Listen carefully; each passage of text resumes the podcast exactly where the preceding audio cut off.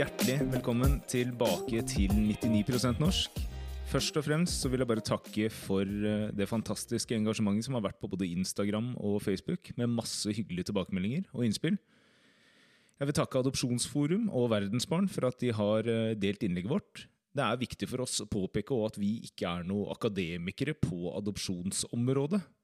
Og vi snakker i all hovedsak om egne erfaringer og egne opplevelser. Og de historiene som vi har fra våre liv. I tillegg til det så ønsker vi allikevel å skape en nyansert podkast der vi kommer til å ha med gjester med ulik bakgrunn og ulike historier. Og i dag så er det episode tre, og da skal vi få høre mer om historien til min eh, aller beste venninne, har det blitt. det er veldig hyggelig. Sandra, velkommen. Tusen takk. Åssen eh, går det med deg? Bare bra. Vi Sandra, vi kjenner hverandre hovedsakelig gjennom din kjæreste. Mm. Og eh, tenkte først og fremst for alle som ikke kjenner deg sånn som jeg gjør, så hadde det vært fint å bli litt bedre kjent med deg. Kan ikke du fortelle litt om hvem du er, og, og hva du holder på med? Mitt navn er Sandra, og jeg er født i Colombia. Blei adoptert da jeg var to år gammel, og uh, har vokst opp på et lite sted som heter Berger. Har bodd litt uh, i Oslo og litt i Drammen. Bor i Drammen nå. Og jeg jobber som sykepleier og i tillegg så jobber jeg litt på en privat klinikk ved siden av. Og ja. Har en liten hund og en samboer og trives godt her i Drammen. så bra. Vi har jo snakka sammen en del om våre adopsjonsbakgrunner og hvor vi kommer fra.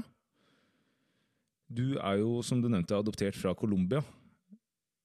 Vet du, når vi kommer inn på det nå, vet du hva som er årsaken til at du ble adoptert fra Colombia? Mamma og pappa hadde jo vært sammen en del år før de bestemte seg for at de ville ha barn. Og så prøvde de på en naturlig måte først, men så fant de ut at det var, kunne være litt vanskelig for dem. Og da skulle de enten da prøve prøverør eller adopsjon. Og så bestemte de seg da for å adoptere. Mm. Du har jo nevnt for meg at uh, adopsjonsprosessen som din mor og far gikk igjennom, var eh, veldig viktig for din historie. Hvorfor har den historien vært så viktig for deg? Det er jo en del av min historie, føler jeg. Og det dem måtte forberede seg på, og den prosessen der, er jo en del av adopsjonshistorien min. da. Fordi i motsetning til deg, så reiste jo de ned til Colombia mm. for å hente meg. Um, og da begynte jo egentlig prosessene her i Norge først. Og da må man sende inn um, Ja, de må eh, sende inn um, referanser. Riktig. referanser fra venner og bekjente. Og så må de også ha gyldig helseattest, hvor det står at de er da på en måte skikka både fysisk og psykisk til at de kan adoptere et barn. Og det som er litt gøy med den som har skrevet under på at mamma og pappa er helsemessig god tilstand, det er faktisk en jeg kjenner en dag i dag. Mm. En uh, lege jeg har blitt kjent med i voksen alder. Og det fant jeg bare ut for ja, noen måneder siden. Helt tilfeldig. Det er moro. Fantastisk. Uh, jeg må bare ta det litt tilbake igjen. For uh, du nevner jo i søknadsprosessen at de er nødt til å ha referanser. De er også nødt til å ha en helseattest fra din, eh, din bekjente, som det nå har blitt, som er veldig hyggelig. Før de satte i gang søknadsprosessen, hvor, hvor, gamle var de? Jeg tror at de var Mamma var uh, rundt 25 når de gifta seg, og pappa var da rundt 29. Så det må da ha vært rundt da, regner jeg med. ja. Kan jeg spørre hvor lenge de hadde vært sammen på det tidspunktet? De ble sammen når mamma var 19 og pappa var 23. Så de hadde jo vært sammen en del år før det, da. Men vi går videre, og søknadsprosessen blir innvilga. Referansene blir innvilga, og helseattesten blir innvilga. Hva skjer videre? Da venter man på en telefon. Og det tar jo en god stund før man får den telefonen, og den kommer egentlig ut av det blå. Selv om man er litt forberedt på og håper på at den kommer snart. Men da fikk de først en telefon om at um, de kanskje kunne hente en jente. Og da fikk de ikke lov til å si det til noen. For det var litt sånn Det var ikke helt bekrefta. Ok. Og like etterpå så fikk de da telefon om at det var bekrefta. At de kunne hente en jente i Colombia som var to år gammel. Jeg skjønner. Fra de fikk bekreftelse på at uh, de hadde fått en jente, hvor lang tid tok det fra de søkte til, uh, til det ble bekrefta? Oi, det der er jeg ikke helt sikker på. Men det ta, tok jo noen år. Fordi broren, jeg har jo en storebror òg, som er adoptert fra Colombia. Og da må du være hjemme i Norge ett år før du kan starte søknadsprosessen igjen. Så de visste jo allerede på flyet på veien hjem med broren min at de skulle ha en til. Men da måtte de vente ett år. Og i og med at jeg da var to år, så tok vel den søknadsprosessen ca. en tre års tid, da. Visste de på det tidspunktet de fikk vite at de hadde fått det, at du var to år? Jeg tror de fikk beskjed da at det var en jente som var to år. Ja, det tror jeg. Er Jo, jo, jo. Fordi at eh, de måtte jo kjøpe inn ting og sånn. Så ja, Det er et godt, det er et godt poeng. Hvor, hvor gammelt er det barnet vi får? Ja, Det, er, eh, så det fikk de vite. det fikk de vite. Men de får vite at de har fått en jente på to år. Eh, Hva skjer videre? Da har de noen dager på seg til å pakke og reise ned til Colombia. Så det går veldig fort. Og først så Det her var jo gjennom Adopsjonsforum. Så de fikk jo da hjelp, jeg er ganske sikker på, til å ordne med fly og sånne ting. Så de flyr da ned til Bogotá først, som er hovedstaden i Colombia. Mm. Og der møter de en representant fra Adopsjonsforumet, hvis jeg ikke tar helt feil. I hvert fall en representant som har med adopsjon å gjøre. Hvem var det som dro ned? Det var eh, mamma, pappa og broren min. Det er en viktig, Alle tre. viktig del av det. ja. og da um, fikk de bilde når de kom ned til Bogotá av meg. Og så var de der en natt. Og så tok de da flyet videre til Arauca, som er eh, det stedet de henta meg, da. Selv om jeg egentlig er født i en liten by som heter Tame. Men av mye uroligheter så, så ja, kunne de ikke dra dit. da. Det at det var adopsjon som ble gjennomført der, det var ikke helt eh, vanlig det heller. Det var ganske nytt. Okay. Og det blir Jeg husker ikke hvilke år, men ehm, Og nå skal jeg ikke si 100% i 2021, men det var i hvert fall en periode hvor de ikke gjennomførte adopsjoner fra Arauca. At barnet blir flydd da til Bogotá istedenfor og hentes der. ok. Var det på bakgrunn av de urolighetene som skjedde i byen? Det er jeg ikke helt sikker på, men øh, det kan jo være. Mm. De dro til Arauca. Mamma, pappa og broren din. Hva skjer videre? Når de ankommer Arauca, så møter de en eh, tolk og mannen hennes. Og um, den tolken, eller hun heter Amira, da, og det var egentlig ikke planlagt at hun skulle være tolk egentlig, fordi det var et eller annet som skjedde med den opprinnelige tolken. Så hun er egentlig da engelsklærer og har blitt henta inn. For Arauca er også et veldig lite sted, da. Okay.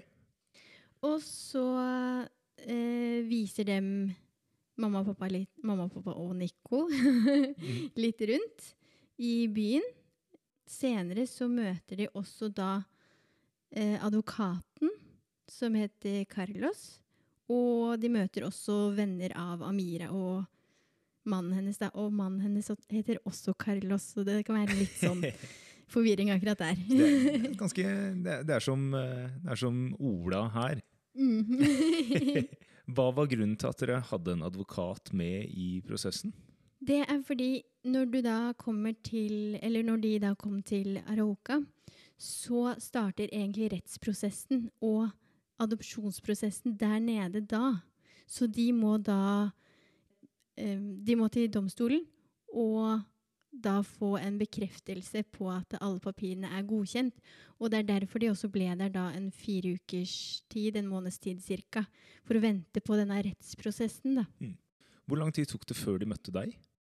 De var da i Det er jo litt sånn tidsforskjell på Colombia og Norge. Men de dro vel ned, nedover 10. november fra Norge. Og så Hvilket årstall dro de ned? 1996. 1996. Da Dagen etterpå ja, så var de i Bogotá, og så dro de da til Arauca. Og pga. litt sånn tidsforvirring her, så blir det da 11. november som de landa i Arauca. Og så 12. november får de meg, da. 96. Så to dager etter de lander i Colombia, så får de treffe deg for første gang. Mm. Så etter rettsprosessen, og når de fortreffer deg første gang, hva skjer videre? Jeg må bare si en ting som er litt gøy. Fordi når eh, mamma og pappa henter meg, eller møter meg for første gang, så han Carlos, altså mannen til Amira Carlos Ikke, ikke advokaten Carlos. Nei, nei. Hold tunga rett i munnen. ja. Tok også filma, for mamma og pappa har jo filma hele, hele opplegget. Jo, så Carlos tar kamera og filmer meg inn på det rommet jeg er før det møter meg. Så du ser meg før mamma og pappa møter meg for første gang, og du ser selve møtet. Altså Mellom så, deg og din Mamma og pappa og Nico, da. Vi må ikke glemme Nico. Nico Han var var med. også med, ja. Og da ser du at han, han blir litt sånn sjenert. Og så har han med en bamse som er pakka inn. Fantastisk. Og han eh, gir den da til meg etter hvert. Og fra den dagen så har vi leika og, og hatt det fint og krangla og vært som søsken, rett og slett. Og den bamsen, den er litt sånn Det er en av de få tingene jeg føler at jeg har en sånn veldig sterk tilknytning til, og det er Colombia-bamsen, da, Mm. som jeg kaller den. Det er utrolig rørende å høre at dere har det øyeblikket mellom deg, mamma og pappa og Nico på film. Men Pappa hadde jo lyst til å investere da i et videokamera når han både skulle hente broren min og, og meg, da. Så alt er jo på film. Mm. Hvordan var det øyeblikket for din del, og husker du noe fra det øyeblikket? Jeg husker ikke, ikke noe fra det øyeblikket, men jeg så faktisk nylig på filmen. Det var her om dagen. Og man kjenner jo det litt i magen og i halsen at man blir veldig rørt. Og det er veldig fint å faktisk ha det på film. Så sånn sett har jeg vært veldig heldig, da. Det er jo et veldig spesielt møte første gang du treffer din mamma og pappa og din bror. Hvordan var reaksjonen din? Ja, jeg husker jo egentlig ingenting fra det. Eh, men sånn som eh, når jeg har sett det, og så er jeg jo litt sånn forsiktig i starten når jeg kommer på fanget til mamma. Ser litt sånn spørrende ut. Men det går veldig fort. Du ser det seinere i videoene hvor vi kommer tilbake på hotell og sånne ting. Så leker jeg og broren min rundt og, og um, mamma og pappa. Du ser med en gang at jeg har allerede da en trygghet i dem. Fordi gjennom leik, sånn som når man er liten, da, så er det jo veldig den der ofte at eh, storebror skal skremme lillesøster litt. Mm. Og da ser du at jeg søker med en gang til mamma eller pappa. Ok. Gjennom leik, da, som er litt sånn tullete, ikke sant? Mm. Gjemme deg litt bak og Ja. sånne ting. Ja, og da søker jeg med, til dem med en gang, og så ser du også når um, det er en video der hvor jeg sitter oppi vasken og vasker meg. og der også ser du liksom den tryggheten jeg har til mamma, da. Mm. Den det er, sånn, det er vanskelig å sette ord på det, for du må nesten, man må nesten se det. Men mamma har jo sagt også at det, første natta så var hun også veldig engstelig for at jeg skulle sove. Men jeg sov jo gjennom hele natta, jeg. Så det også viser jo en trygghet hos meg allerede da. Fordi mamma og pappa, når de bestemte seg da for å adoptere, så gikk det jo også igjennom en prosess med at eh, det er jo en mor og en far som må gi fra seg barnet sitt fordi eh, de ikke klarer å ta vare på det. Og det var en prosess som mamma og pappa gikk gjennom, eh, som med tanke på at det, faktisk Eller at faktisk ikke alle kan ta vare på barnet sitt. da. Mm. Og tenkte på da denne moren og satse veldig i den situasjonen. Mm. Det tror jeg er fint òg, at de var klar over. For ofte i adopsjon så er det Hver adopsjon er ofte Det er jo alltid en historie bak en adopsjon som som regel ikke er, er en eh, lykkehistorie, da. mm. Det var bra sagt, Sandra. Så de gikk jo gjennom de tankene òg. Og når de skulle møte meg, så Mamma og pappa har skrevet dagbok, som jeg har eh, fått se litt i. Og der er det også tanker om hvordan jeg vil opptre i første møte. Em, ja, hvordan jeg kom til å føle det som liten. Og ja, det er veldig fint, fordi jeg har liksom reflektert over mine følelser og tanker, og mine, mitt biologiske opphav og alt sammen. Eh, eh, altså mamma og pappa. Etter de hadde møtt deg første gangen, hva skjedde videre? Da var de i Colombia videre av denne rettsprosessen. Så det er derfor de var der nede fortsatt, og da er de liksom kanskje litt i sånn observasjonstype òg. Og så er de vel i noen møter og noe opplegg. Mm. Hvor var du før du ble adoptert? Først så var jeg hos biologiske mor, og så fant hun ut at eh, hun ikke kunne ta vare på meg. Og mm, jeg var nok ganske syk da også, eh, trolig også underernært. Og så, ja, så fant hun ut at hun ikke kunne ta vare på meg, så hun ga meg da videre til en hun kjente. Og som hun trodde også kunne ta vare på meg, da. Men hun klarte vel kanskje ikke det, hun heller, så hun ga meg da videre til barnevernet. Og da gir barnevernet meg da en fostermor, som jeg bor hos da til jeg blir adoptert. Og jeg tror at jeg var der ca. et års tid hos fostermoren da, og i den fosterfamilien. For der var det også flere som bodde, da. Vet du hva som var årsaken til at hun ikke kunne ta vare på det? Nei, eller Det som er litt spennende med akkurat det, er at mest sannsynligvis så var jeg nok underernært, og hun hadde nok ikke så mye penger. Og så vel da at hun ikke klarte å gi meg den næringa jeg trengte. Men vi var jo der nede i 2010, og da møtte jeg da fostermoren min. Eh, helt tilfeldig. Vi kan jo komme litt tilbake til Ja, det jeg etterpå. tenkte på det. Ikke Men eh, da fikk vi også vite at jeg var ganske syk, da. mm. Mm. Så mest sannsynligvis så har det også hatt en innvirkning på avgjørelsen til min biologiske mor. Mm. Hva vet du om din biologiske mor og den personen som eh, tok hånd om deg før du ble eh, overlatt til barnevernet? Det eneste jeg vet om min biologiske mor, er at hun var ganske ung når hun fikk meg, og kom fra et strøk som man Hun hadde nok ikke så mye penger, da. Ja, og jeg vet egentlig ikke så mye mer enn det. Vet noe om din biologiske far? Ingenting. Bare for å ta deg litt tilbake inn til selve adopsjonsprosessen i Colombia. Din mamma og pappa og bror oppholder seg i Colombia i fire uker. Hva er det de gjør der? Når eh, de da fikk møte tolken, Amira, som også var litt spent på å møte dem Etter hvert så utvikla de et eh, veldig sterkt bånd og et veldig godt forhold. Og mamma, pappa og Nico og jeg ble jo tatt med på sightseeing rundt omkring, og de kjente jo veldig mange der, for de var jo derifra. Så vi møtte mange av deres venner, og vi var på på noe sånn der hundeutstilling der nede. Og så var det også sånn derre Det er litt fælt, men det er noe sånn okseløp av et slag, hvor de fyrer opp oksene, og så skal de liksom fange dem etterpå når de rir på hester. Mm.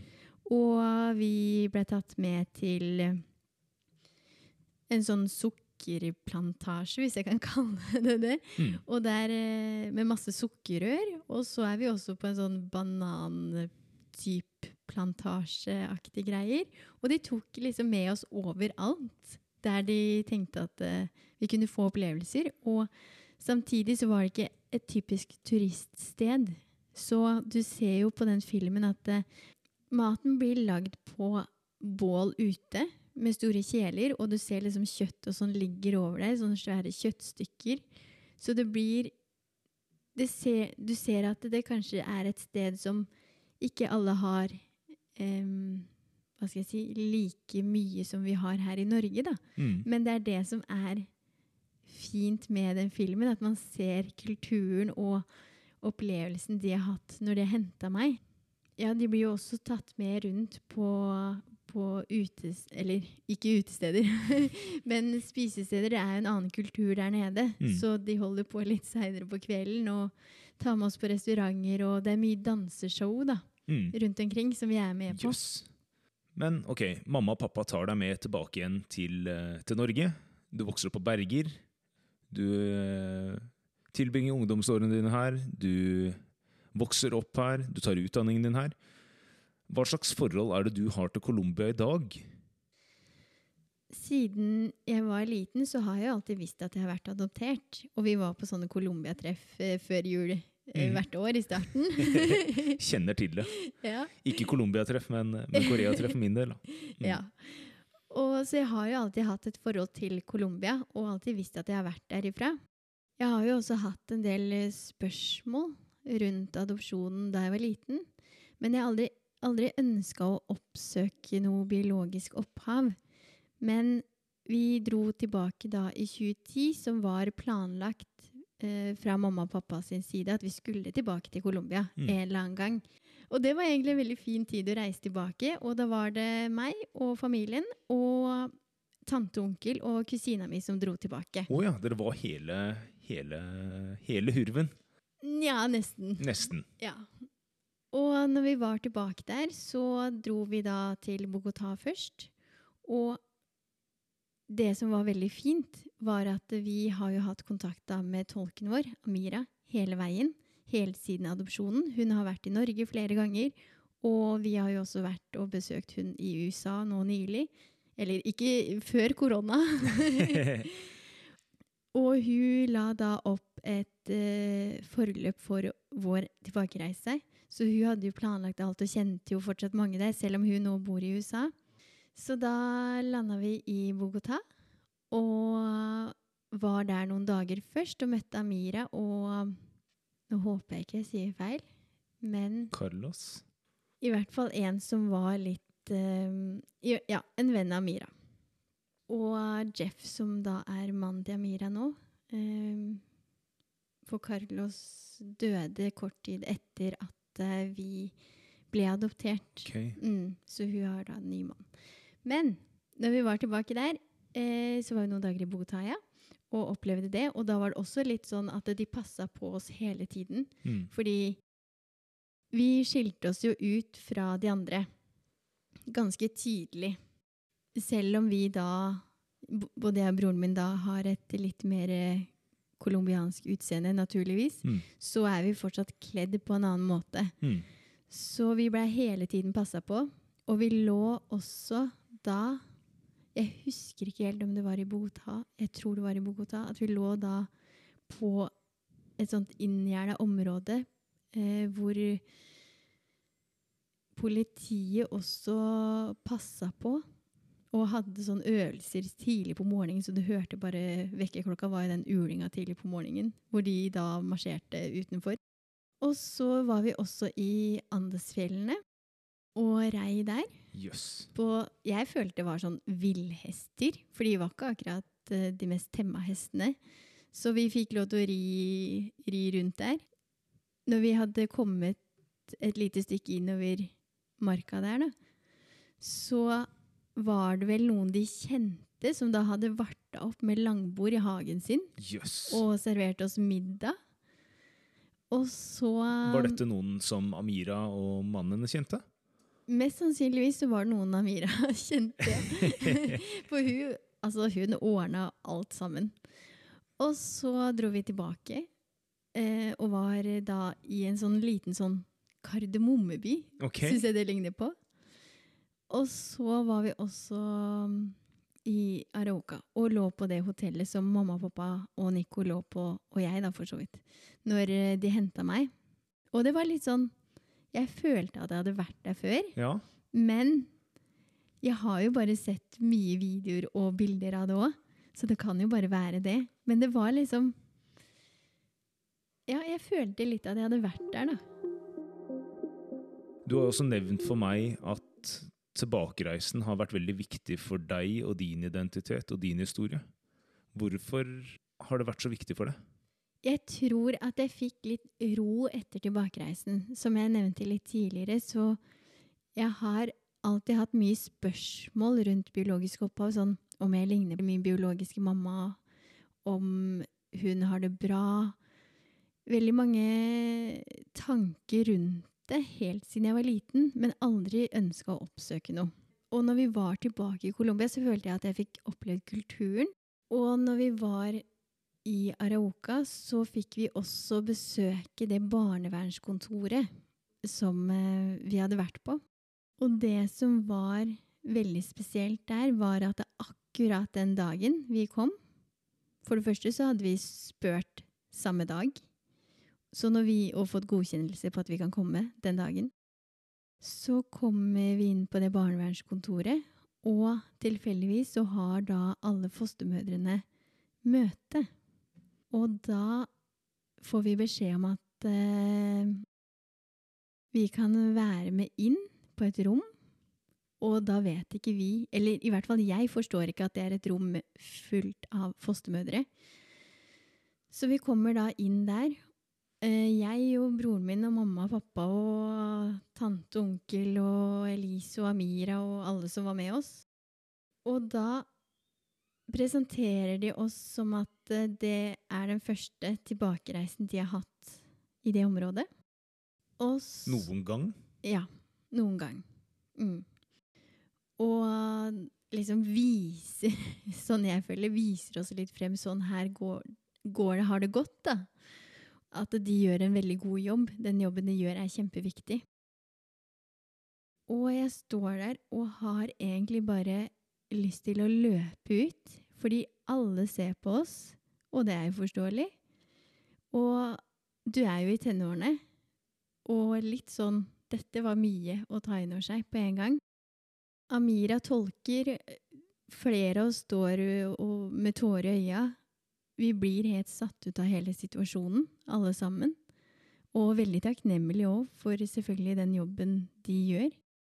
Og så er vi egentlig på vei ut av kontoret, og så huker noen tak i oss og sier at eh, fostermoren min er der. Herregud. Og jeg skjønner vel egentlig ikke hva som skjer. Og, og de spør om da vi vil ta en prat med hun.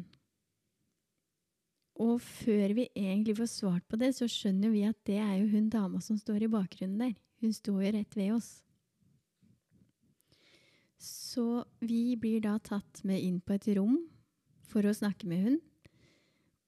Og jeg husker ikke helt, men jeg tror det bare er meg, mamma og pappa, Amira, fostermoren og bare om det er noen til der. Altså, jeg var jo helt fjern. Kjente mammaen og pappaen dine igjen fostermoren din? De har aldri møtt hun. De har aldri møtt Nei, fordi når jeg ble tatt når de møtte meg, så var det en annen dame fra Tame som hadde tatt med meg fra Tame til Arauca og passa på meg natten til jeg ble henta. Til du ble henta? Så vi blir tatt inn på det kontoret, eh, og jeg sitter der helt eh, stum og fjern og vet ikke helt hva jeg skal si. Og sånn som mamma sa til meg her om dagen, så sa hun at ja, hun eh, klarte liksom å tenke på de spørsmålene jeg hadde hatt når jeg var liten. Og det må jeg bare si, det var superimponerende å klare å tenke så langt i en sånn situasjon.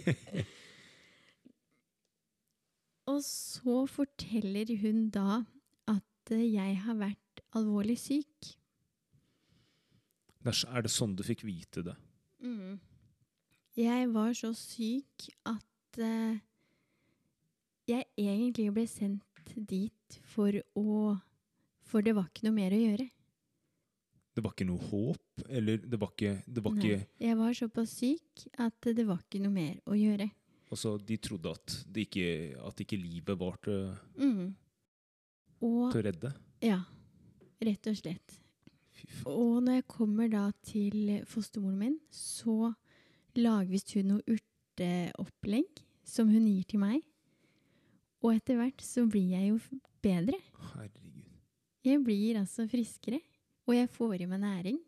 For jeg har nok også vært veldig underernært.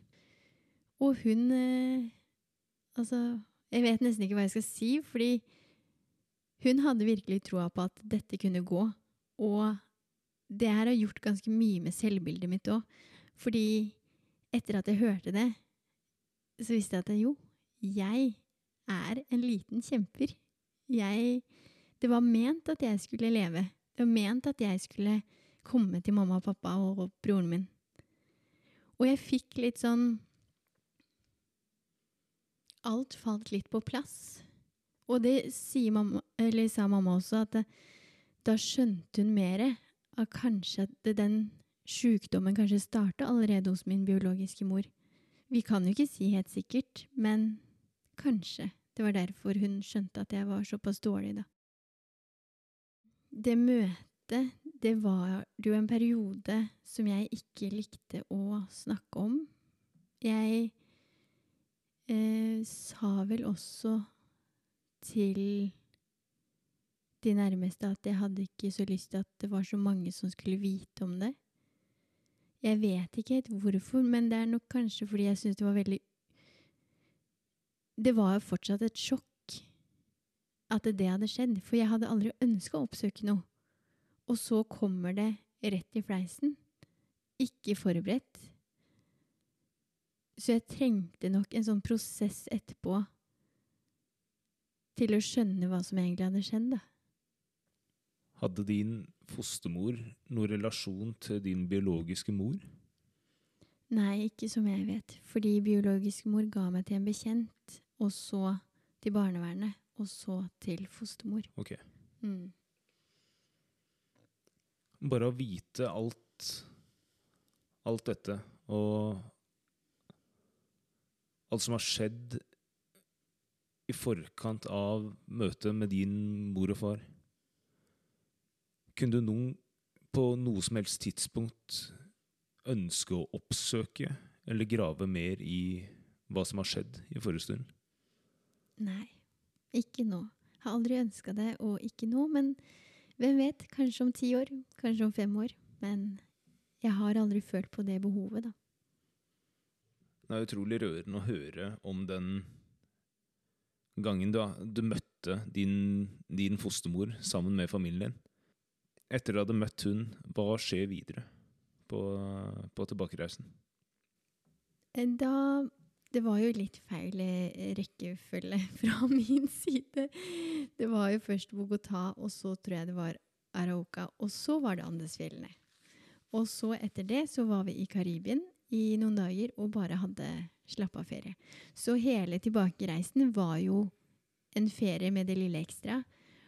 Og for å se For å dra tilbake dit jeg og broren min er fra, da. Og at Amira hadde ordna så mye, det var jo helt uh, supert. Det var jo bare en sto kjempestor bonus, og vi hadde jo ikke fått oppleve alt det hvis ikke. Og mens vi var der også, så var det jo også flere sånne danseshow for oss, fordi vi var der. Og de måtte også passe litt på oss selv da, i 2010, på at ikke alle visste at vi kom dit, på grunn av urolighetene, da. Men det var en veldig fin tur som jeg ikke ville vært foruten. Mm. Sammen med både min familie og tanteonkel og og min kusine, da. Sett i etterkant av denne turen og tilbakereisen din til Colombia, hvor mye tror du det har påvirka den du er i dag? Jeg tror det har gjort veldig mye med meg. Det har gjort at jeg har fått en type ro. Ikke hatt like mye spørsmål rundt mitt biologiske opphav. Litt eh, Ja. Og det å være adoptert har generelt gjort at jeg har nok et, en annen tilnærming til livet, da, enn kanskje flere av de som er uh, født i Norge. At jeg tenker veldig ofte på at uh, jeg er veldig takknemlig, og jeg har det veldig fint. Og den dag i dag veldig glad for det valget min biologiske mor gjorde, i og med at hun så at hun ikke kunne, eller klarte å ta vare på meg, da. Tenker du noen gang på hvordan hun har det, og hva bakhistorien hennes er? Egentlig ikke så mye nå lenger. Det er liksom den roen jeg har fått, så jeg har ikke alle de spørsmålene lenger. Jeg vil bare si tusen takk for at du har eh, delt historien din, Sandra. Og tusen takk til alle de som har sendt inn tilbakemeldinger og innspill på Instagram og Facebook. Vi eh, skal selvfølgelig prøve å svare på de i løpet av podkasten fremover òg. Og for de som ikke allerede gjør det, følg oss gjerne på Instagram og på Facebook-sida vår. Eh, på 99% norsk. I neste episode, neste søndag, så skal vi eh, treffe en eh, ny gjest som heter eh, Jon Jung Jensen, og er også adoptert fra Sør-Korea, sånn som meg.